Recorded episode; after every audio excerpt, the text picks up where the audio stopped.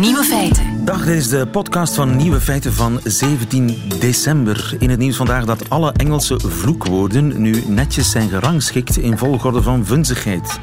Duizenden mensen zijn ondervraagd en moesten aangeven of ze een woord mild, gemiddeld, erg of heel erg onacceptabel vonden. De categorie mild, daarin zitten woorden die je nog net kunt zeggen waar kinderen bij zijn. Woorden als bloody, damn en Christ. In de reeks gemiddeld vinden we terug shit, bitch en bollocks. Die zijn dus op het randje. Maar dan afdeling heel erg. Woorden die je voor 9 uur s'avonds volgens de Britten absoluut moet vermijden. En ik excuseer mij bij voorbaat. Die woorden zijn cunt, motherfucker en fuck. Fuck is dus het ergste Engelse woord. Denk daar maar eens over na. De andere nieuwe feiten vandaag. Priester veroordeeld omdat hij het biechtgeheim niet wou schenden. Alex Visorek zag veel gemeubel op de Franse televisie vorige week. Gemeubel, inderdaad. Een astmamedicijn kan een keizersnede voorkomen en de laatste avondmalen van Amerikaanse ter dood veroordeelden zijn bestudeerd. De nieuwe feiten van Johan Terrein hoort u in zijn middagjournaal. Veel plezier. Radio 1. Nieuwe feiten. Wat weegt er het zwaarst? Het biechtgeheim of een mensenleven? Rick Torfs, goedemiddag. Goedemiddag. Rick Torfs, kerkjurist. U heeft het waarschijnlijk ook vernomen. Die priester uit Brugge is veroordeeld. Eén maand cel met uitstel. 1 euro schadevergoeding omdat hij wist dat een vriend zelfmoord zou plegen en niets ondernomen heeft. En dat is volgens de rechter schuldig verzuim. De priester beroept zich op het biechtgeheim. Ja. Wat voelt u bij die uitspraak? Uh, wel, eh, het is toch een moeilijke zaak, omdat het biechtgeheim voorheen, uh, toen uh, Vlaanderen en België nog katholieker waren, wel werd gerespecteerd door de rechtspraak. maar vandaag hebben we een dubbele beweging. Om te beginnen merken we minder respect voor dat biechtgeheim. En bovendien heb je ook in het algemeen het schuldig verzuim dat sterk opkomt en dat ook het beroepsgeheim van andere categorieën, zoals artsen, steeds meer bedreigt. Maar dus in gelijkaardige situaties heeft de rechter het biechtgeheim wel 100% gerespecteerd? Uh, wel, er was eigenlijk zo'n soort stilzwijgende uh, regel waarbij het biechtgeheim toch altijd volkomen werd gerespecteerd. Um, nu natuurlijk, het is ook een, een, moeilijke zaak in die zin. De priester in kwestie moet eigenlijk kiezen tussen een kerkelijke straf of een profane straf. Dus in dit geval is hij veroordeeld tot één maand uh, voorwaardelijk, als ik het goed heb begrepen. Als hij het biechtgeheim had geschonden, zou hij door de kerk van rechtswegen automatisch zijn geëxcommuniceerd. Wat niet betekent dat hij uit de kerk wordt gezet natuurlijk, maar wel dat hij niet meer mag functioneren als priester, niet kan voorgaan in de Eucharistie, geen sacramenten kan uitdelen. En het is dus ja, een keuze waarbij hoe dan ook een sanctie volgt en de priester moet kiezen welke van de twee sancties het meest uh, met zijn geweten in overeenstemming te brengen. Maar is dat echt al gebeurd, dat priesters uit hun ambt worden gezet omdat ze het dichtgeheim hebben Bijvoorbeeld als een biechter ja, bekend maakt dat hij iemand gaat vermoorden, dat hij een terroristische aanslag zal plegen. Word je dan door de kerk uit, uit je ambt gezet als je naar de politie stapt als priester? Uh, inderdaad, en dat is zeker. Daar zijn talloze voorbeelden van in het buitenland. Het is overigens niet uit het ambt gezet, dus het is wel een delicatere kwestie. Hij verliest het ambt niet, maar mag voorlopig niet meer functioneren. En uh, mits tussenkomst van de paus, wat betekent, of zijn instanties, wat betekent dat het zeer serieus wordt genomen, is het wel mogelijk om nog terug te keren. Maar het dichtgeheim is iets waar de kerk bijzonder uh, zwaar aan De gedachte is deze. Als iemand komt dichten, wat overigens steeds minder gebeurt bij ons, daar moet ik geen tekening bij maken. Maar als iemand dat doet, moet hij wel de volledige garantie hebben dat er niet wordt geklikt. Nog in zijn voordeel, nog in zijn nadeel en zo verder. Dus dat is eigenlijk de gedachte die rond dat dichtgeheim hangt en die wereldwijd wordt opgehouden. Ik was bijvoorbeeld ook uh, in augustus in een conferentie in Australië waar het over seksueel misbruik ging, zoals in vele landen. En uh, ja, daar was ook een van de punten. Uh, mag uh, de Australische wetgever zomaar dat biechtgeheim zeg maar, opheffen wanneer het om delicten gaat? En in een aantal staten van Australië is dat gebeurd. Heeft ook daar tot heel wat commotie aanleiding gegeven. Omdat maar dat, inderdaad dat biecht, moet kiezen. Ja. Dat biechtgeheim is echt absoluut. Maar kan dat nog in deze tijd? Stel dat. dat ja, dat Anders Breivik, stel nu dat hij vooraf al zijn biecht had gedaan bij een priester, zo van ja, ik ga dat wel doen, naar dat eiland trekken en die, die tientallen jongeren vermoorden. Die priester weet dat, maar moet zwijgen. Wel, gesteld dat Breivik uh, katholiek was geweest, non, en hij was gaan biechten, wat ook niet is gebeurd, het gebeurt dus niet zo vaak, dan had de priester moeten proberen hem daarvan af te brengen, hem te overtuigen en zo verder. Dat wel. Maar de gedachte rond het biechtgeheim is, uh, als het niet meer absoluut is, als er geen absolute bescherming meer is, dan zal ook niemand vernemen van, uh, iets vernemen wat er gezegd wordt. Dus je mag het zien als een plaats van, ja, zeg maar mentaal asiel, zoals je ook fysiek asiel had in kerkgebouwen in de middeleeuwen. Dus een plek waar het onzegbare wel kan worden gezegd zonder enig gevaar. En in die zin lijkt het ook een beetje op het. Uh, uh, beroepsgeheim van bepaalde categorieën, zoals artsen. De vraag is alleen, ja, hoe absoluut laat je dat zijn? Waar zijn de uitzonderingen? Hoe meer uitzonderingen uiteraard, hoe minder iemand zich uh, geroepen zal voelen om te gaan biechten, omdat hij niet gerust is over de uitkomst ervan. Ja, maar dus eh, de kerk staat geen enkele uitzondering toe. Uh, bent u eigenlijk gelukkig dan met de uitspraak van de rechter? Ja, niet echt natuurlijk, eh, de priester wordt hier wel uh, heel sterk op de proef gesteld. Hij moet dus inderdaad kiezen tussen twee straffen. En natuurlijk moet hij je ook afvragen wat zulks betekent voor andere beroepscategorieën, of die mensen ook uh, ja, steeds vaker hun professionele geheim gaan moeten schenden. Ik denk dan aan artsen of advocaten. Je merkt daarin toch wel een evolutie waarbij het begrip schuldig verzuim meer en meer veld wint, ten koste eventueel wel van uh, het beroepsgeheim of het dichtgeheim van bepaalde categorieën. En daar moeten we toch over nadenken, want dat kan toch wel tot wat uh, clashes leiden in de toekomst. Rick Torfs, dankjewel. Goedemiddag. Dag. Nieuwe feiten. Coucou de France. Met Alex Visorek. Wat er ook gebeurt, ik krijg een warme coucou de France van mijn France Inter collega en landgenoot Alex Visorek elke maandagmiddag. Zoals ook vandaag. Goeiedag, Alex. Goeie.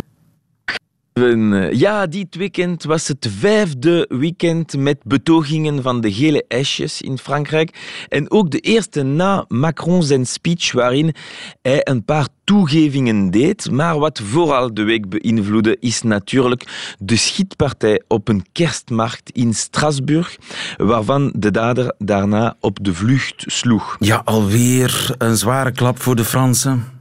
Ja, de Fransen waren er uh, ondersteboven van. En uh, om op de hoogte te blijven van wat er gebeurde, kunnen ze zoals altijd op zenders BFM TV of C-News rekenen. BFM TV? Ja, kent u dat? Dat een informatieve zender die uh, het uh, 24 uur op 24 over het nieuws hebben. Een journaal zonder einde, maar ook vaak oh, zonder nieuws. je weet zeker wat ik bedoel. Uh, er is iets gebeurd en plots zien we tientallen journalisten die live ter plaatse zijn om te bevestigen dat er nog niks te bevestigen valt. Dat is uh, de core business van BFM TV en C-News. Voor hen is het belangrijker om sensatie te leveren dan diepe analyse. En dan doen ze wat we in het Frans meublé noemen. Meublé? En dat is meublé, meubelen. Meubelen. Nederlands. Ah, ja. Dat is het journaal uh, gaande houden om het even wat ze vinden. Melken, en bij... zeggen wij soms. Ja. Melken. Ah, voilà. Melken. Misschien is dat meublé. Uh, traductie. Okay. en bij CNews hadden ze iets groots gevonden. Ter plaats waren ze de eerste om een getuige te vinden die de dader kende en dus een portret kon maken. Il était super gentil. Super, euh, c'était pas quelqu'un qui cherchait les problèmes ou quelqu'un super gentil et discret surtout. Ouais. Ça avait pas l'air d'être euh, quelqu'un de borné ou... Sympathieke gast. Ja, uh, en dat werd uh, nieuws. De dader was iemand super aardig die geen problemen zocht. Maar een ogenblik later heeft die getuiger iets op Snapchat aangegeven. Ah, je suis vraiment pas à la. Mais je le connais même pas, le gars. Je sais pas c'est qui. Voilà, je le connais même pas. Oeh la la la. Hij kent die gast dus niet eens. Nee, dat was uh, allemaal verzonnen. Uh, je ziet het kenmerk van die zenders eerst bekendmaken, dan pas checken als het waar is. Soms hebben ze meer geluk. Weet je nog, na de aanslagen van Parijs, twee, drie jaar geleden, de daders hadden zich een paar dagen in een appartement gesloten. De politie wist niet wie de eigenaar was en plots kwam Jawad voor de camera's van BFM TV. Ouais, j'ai appris que c'était chez moi.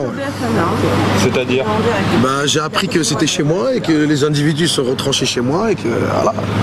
J'étais pas au courant que c'était des terroristes. Ik wist van niks. Hij, hij, wist van niks en hij was live door die politie opgepakt.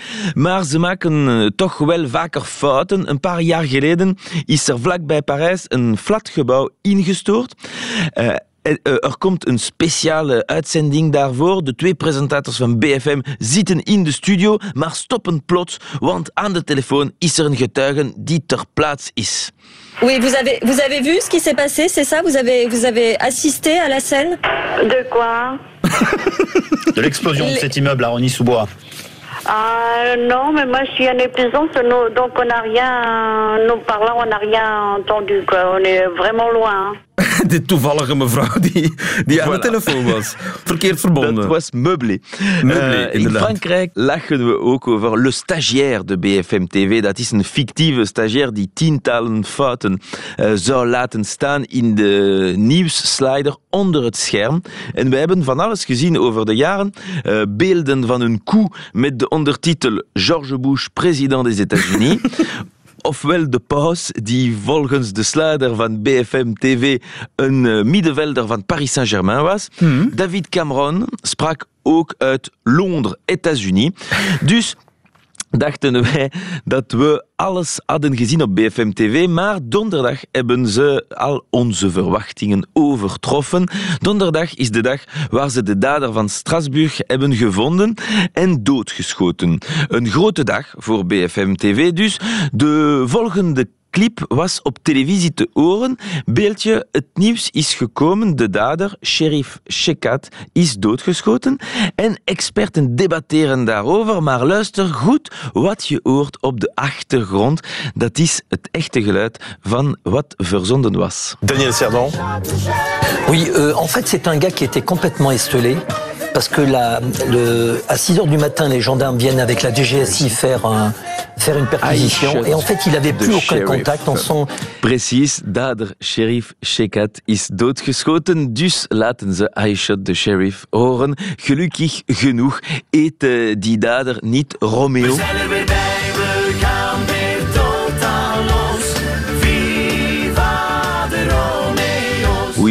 en fait, c'est un gars complètement isolé. À 6 heures du matin, les gendarmes viennent avec la DG ici. Enfin, u heeft het begrepen.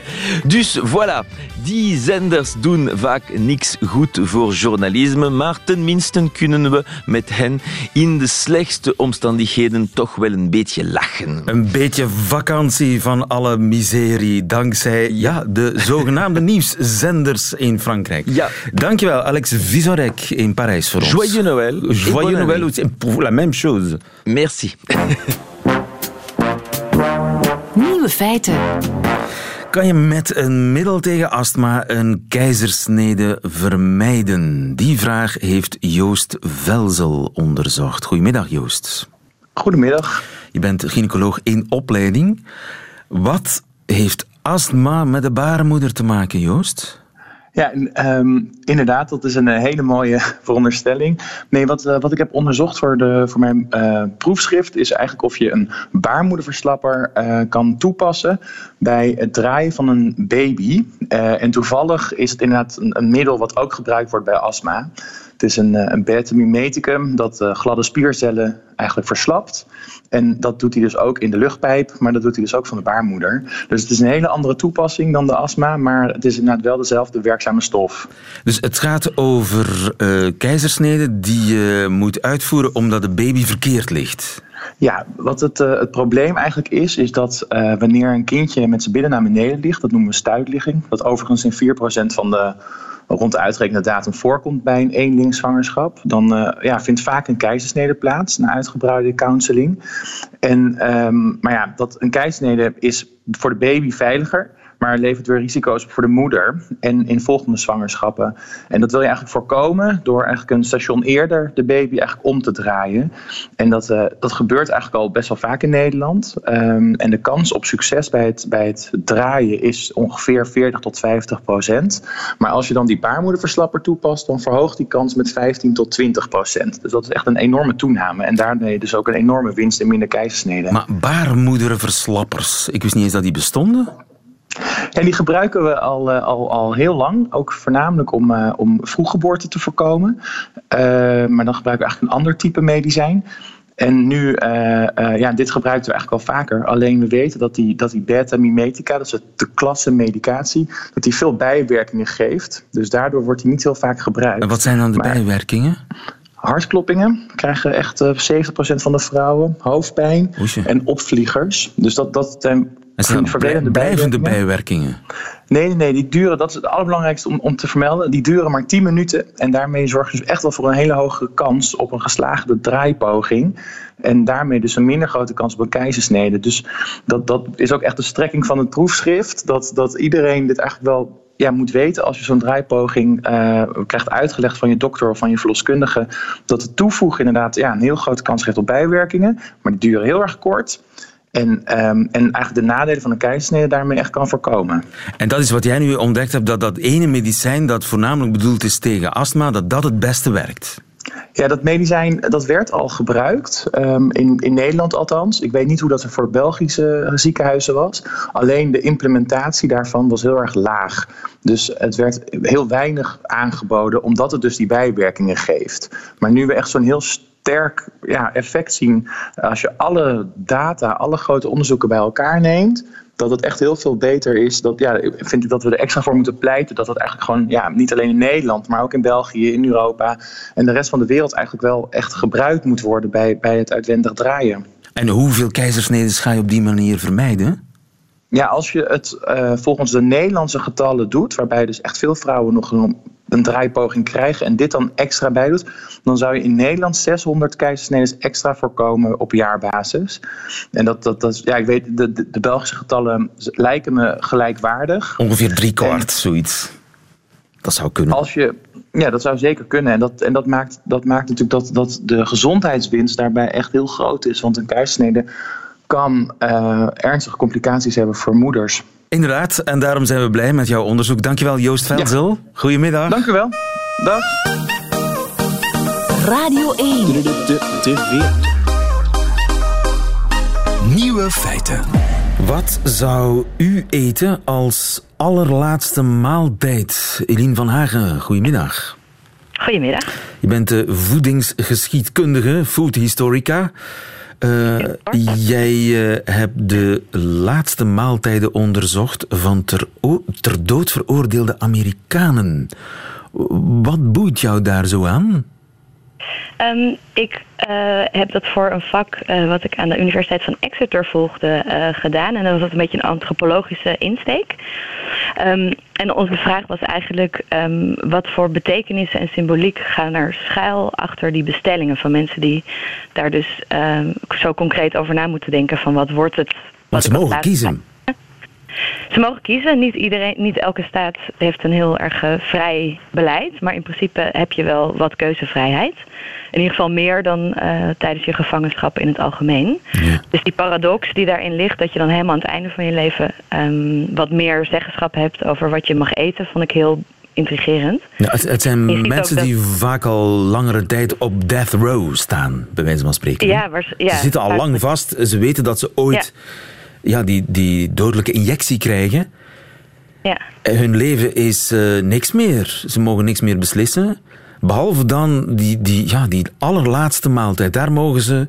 Ja, het heeft iets ja, ontroerends en cynisch tegelijkertijd, hè? Ja, ja, absoluut.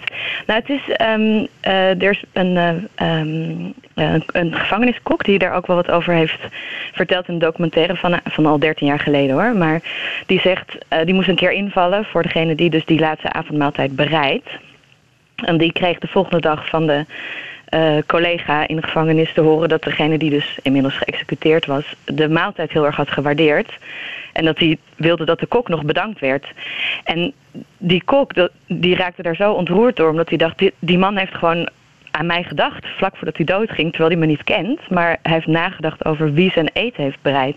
En het laatste eten wat hij ooit eh, tot zich heeft genomen.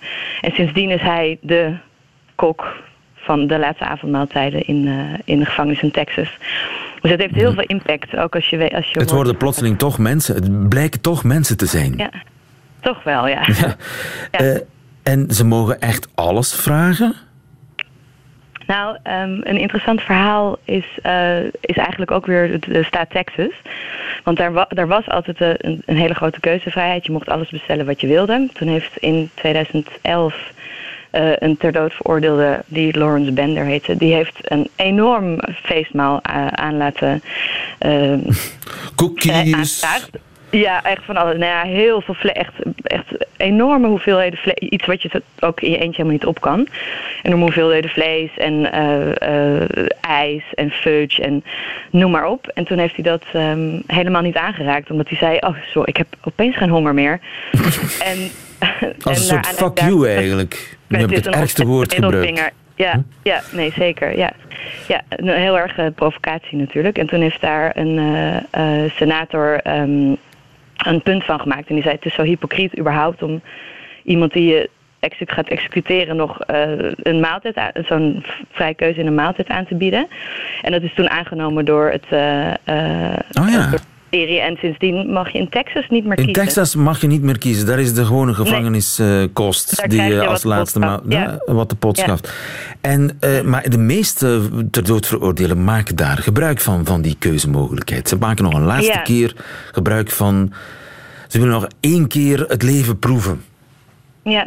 ja, ik vond het opvallend. Vooral ook omdat ik dus eh, overzichten heb kunnen inzien van eh, de bestellingen van eh, mensen die geëxecuteerd zijn. Ook een beetje morbide wordt dat, want je ziet een foto en een naam en wat diegene gedaan heeft en dan zijn laatste wens qua eten. Ehm, en ik vond het opvallend hoeveel detail daar vaak in, in zat. En hoe eh, mensen daar blijkbaar echt heel goed over nadenken. Al, al vaak een week van tevoren wordt je gevraagd wat je zou willen. Maar er zit ook heel veel eh, betekenis in, in die zin dat het lijkt alsof sommige mensen het ook als een soort laatste statement zonder En woorden. wat bedoel je daarmee? Geef eens een concreet voorbeeld. Ehm, er is een, nou, een heel opvallend voorbeeld is iemand die een enorme bestelling met allerlei soort fruit, maar dan allemaal één stuk van een banaan en een perzik en maar dan ook een, verja verjaardagstaart en daar moesten dan per se zeven roze kaarsjes op en een eh, datum opgeschreven. Wat niet diegene zijn eigen geboortedatum was. Dus ja, dat gaat je fantasie helemaal een beetje op de loop. Dat je denkt, dat- Mysterieus. dat Wat zou daar zijn, achter kunnen zitten? Ja. Een kind. Hij kan nooit zelf die hele taart op, op hebben gekregen. Dus wat dat betreft is het ja, een manier om toch nog iets na te laten. En het wordt natuurlijk ook vastgelegd, dus je weet dat dat blijft. Maar er zijn ook mensen die om wereldvrede vragen in plaats van een maaltijd. Nou. En wat En is me- de- het meest gevraagd eigenlijk?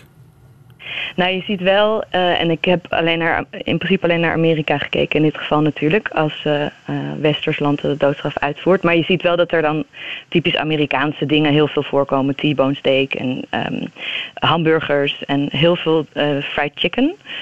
Ehm, maar Fastfood eigenlijk. wel- ja, fastfood, heel veel fastfood. Ehm, maar er zijn ook wel mensen die dan bijvoorbeeld een heel gezond saladetje bestellen met een stukje fruit. Waarvan je denkt, voor je gezondheid hoef je het niet meer te doen. Dus dat vo- vond ik ook een opvallend fenomeen. Heel veel fruit komt er eigenlijk ook. eh, Heel veel fruit.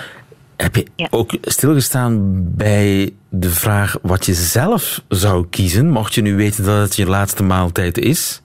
Ja, nou, het, grappig. Ja, natuurlijk. Anders, ja, als je hiermee bezig bent, dan gaat dat, gaat dat vanzelf. Maar ik denk dat ik, dat ik niet zou kunnen eten, eerlijk gezegd. Het zou me, zou me denk ik niet lukken. Als ik ehm erover nadenk, dan moet ik ook denken aan een kunstproject van een fotograaf die dat vroeg aan allerlei koks. Ehm, en dan wordt het een soort van leuke vraag van wat, wat wordt eigenlijk wat is je lievelingseten? Wat is je lievelingseten? Daar komt het eigenlijk op neer, ja. Ja, precies. Maar dat is natuurlijk een hele andere vraag dan wanneer je ehm, weet dat je de volgende dag onvrijwillig eh, geëxecuteerd wordt. Dus het is niet van ja, ik zou dat met die en die op die en die plek zou ik het leuk vinden om nog één keertje dat te eten. Maar dit is natuurlijk echt iets totaal anders. Ja. Dus, ehm, Niks zou je het eten. Ik waarschijnlijk nee, ook niet. nou, een artichok misschien. Een artichok. ja, ik zou een artichok. Ik ga er nog eens over nadenken. Dankjewel, Eline van Hagen, Ja, voedselgeschiedkundige. Goedemiddag. Goedemiddag, dag. Radio 1. Nieuwe feiten. De nieuwe feiten nu van Johan Terrein in zijn middagjournaal. Nieuwe feiten. Beste luisteraar. En zo kwam het dat ik op een zondagochtend om 11 uur al een Genevertje op had. Niet dat me dat vaak overkomt, in tegendeel. Zondagochtend hoort zo'n beetje alcoholvrij te zijn, vind ik. Niet dat ik verder veel principes heb. Principes zijn er naar mijn gevoel voor mensen die maar één keer over iets willen nadenken. Terwijl ik het net leuk vind om alles altijd vanuit een andere hoek te bekijken. En dan staan principes eerder in de weg. Maar goed, ik had dus al een Genevertje op om 11 uur. Ik was duidelijk nog eens uit mijn comfortzone getreden, beste luisteraar. Meer nog, de mensen achter het barretje bedankten mij voor de consumptie die een gevolg was van mijn moedige deelname. Ik besef nu dat ik het verhaal achterstevoren vertel, maar ik begin dan ook bij het gezelligste stuk. Ik spoel even terug.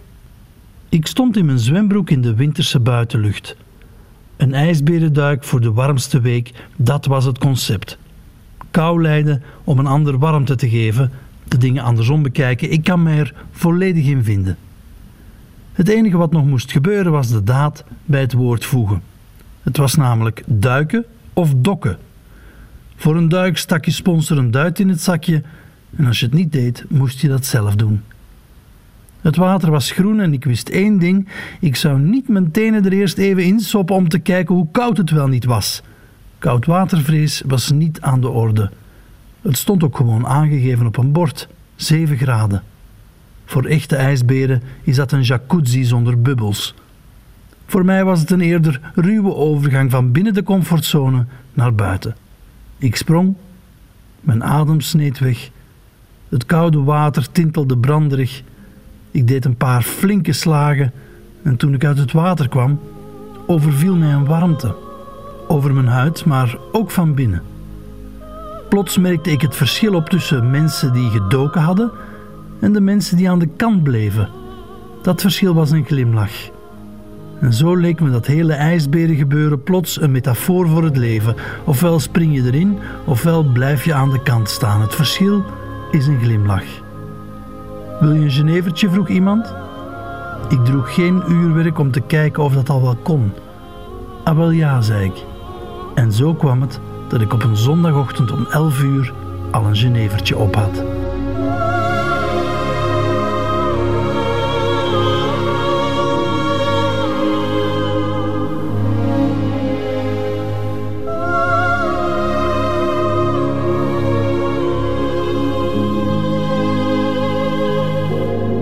Johan Terrein in zijn persoonlijke middagjournaal. Einde van deze podcast. U vindt er nog veel meer op radio1.be en op alle gebruikelijke podcastkanalen. Tot volgende keer.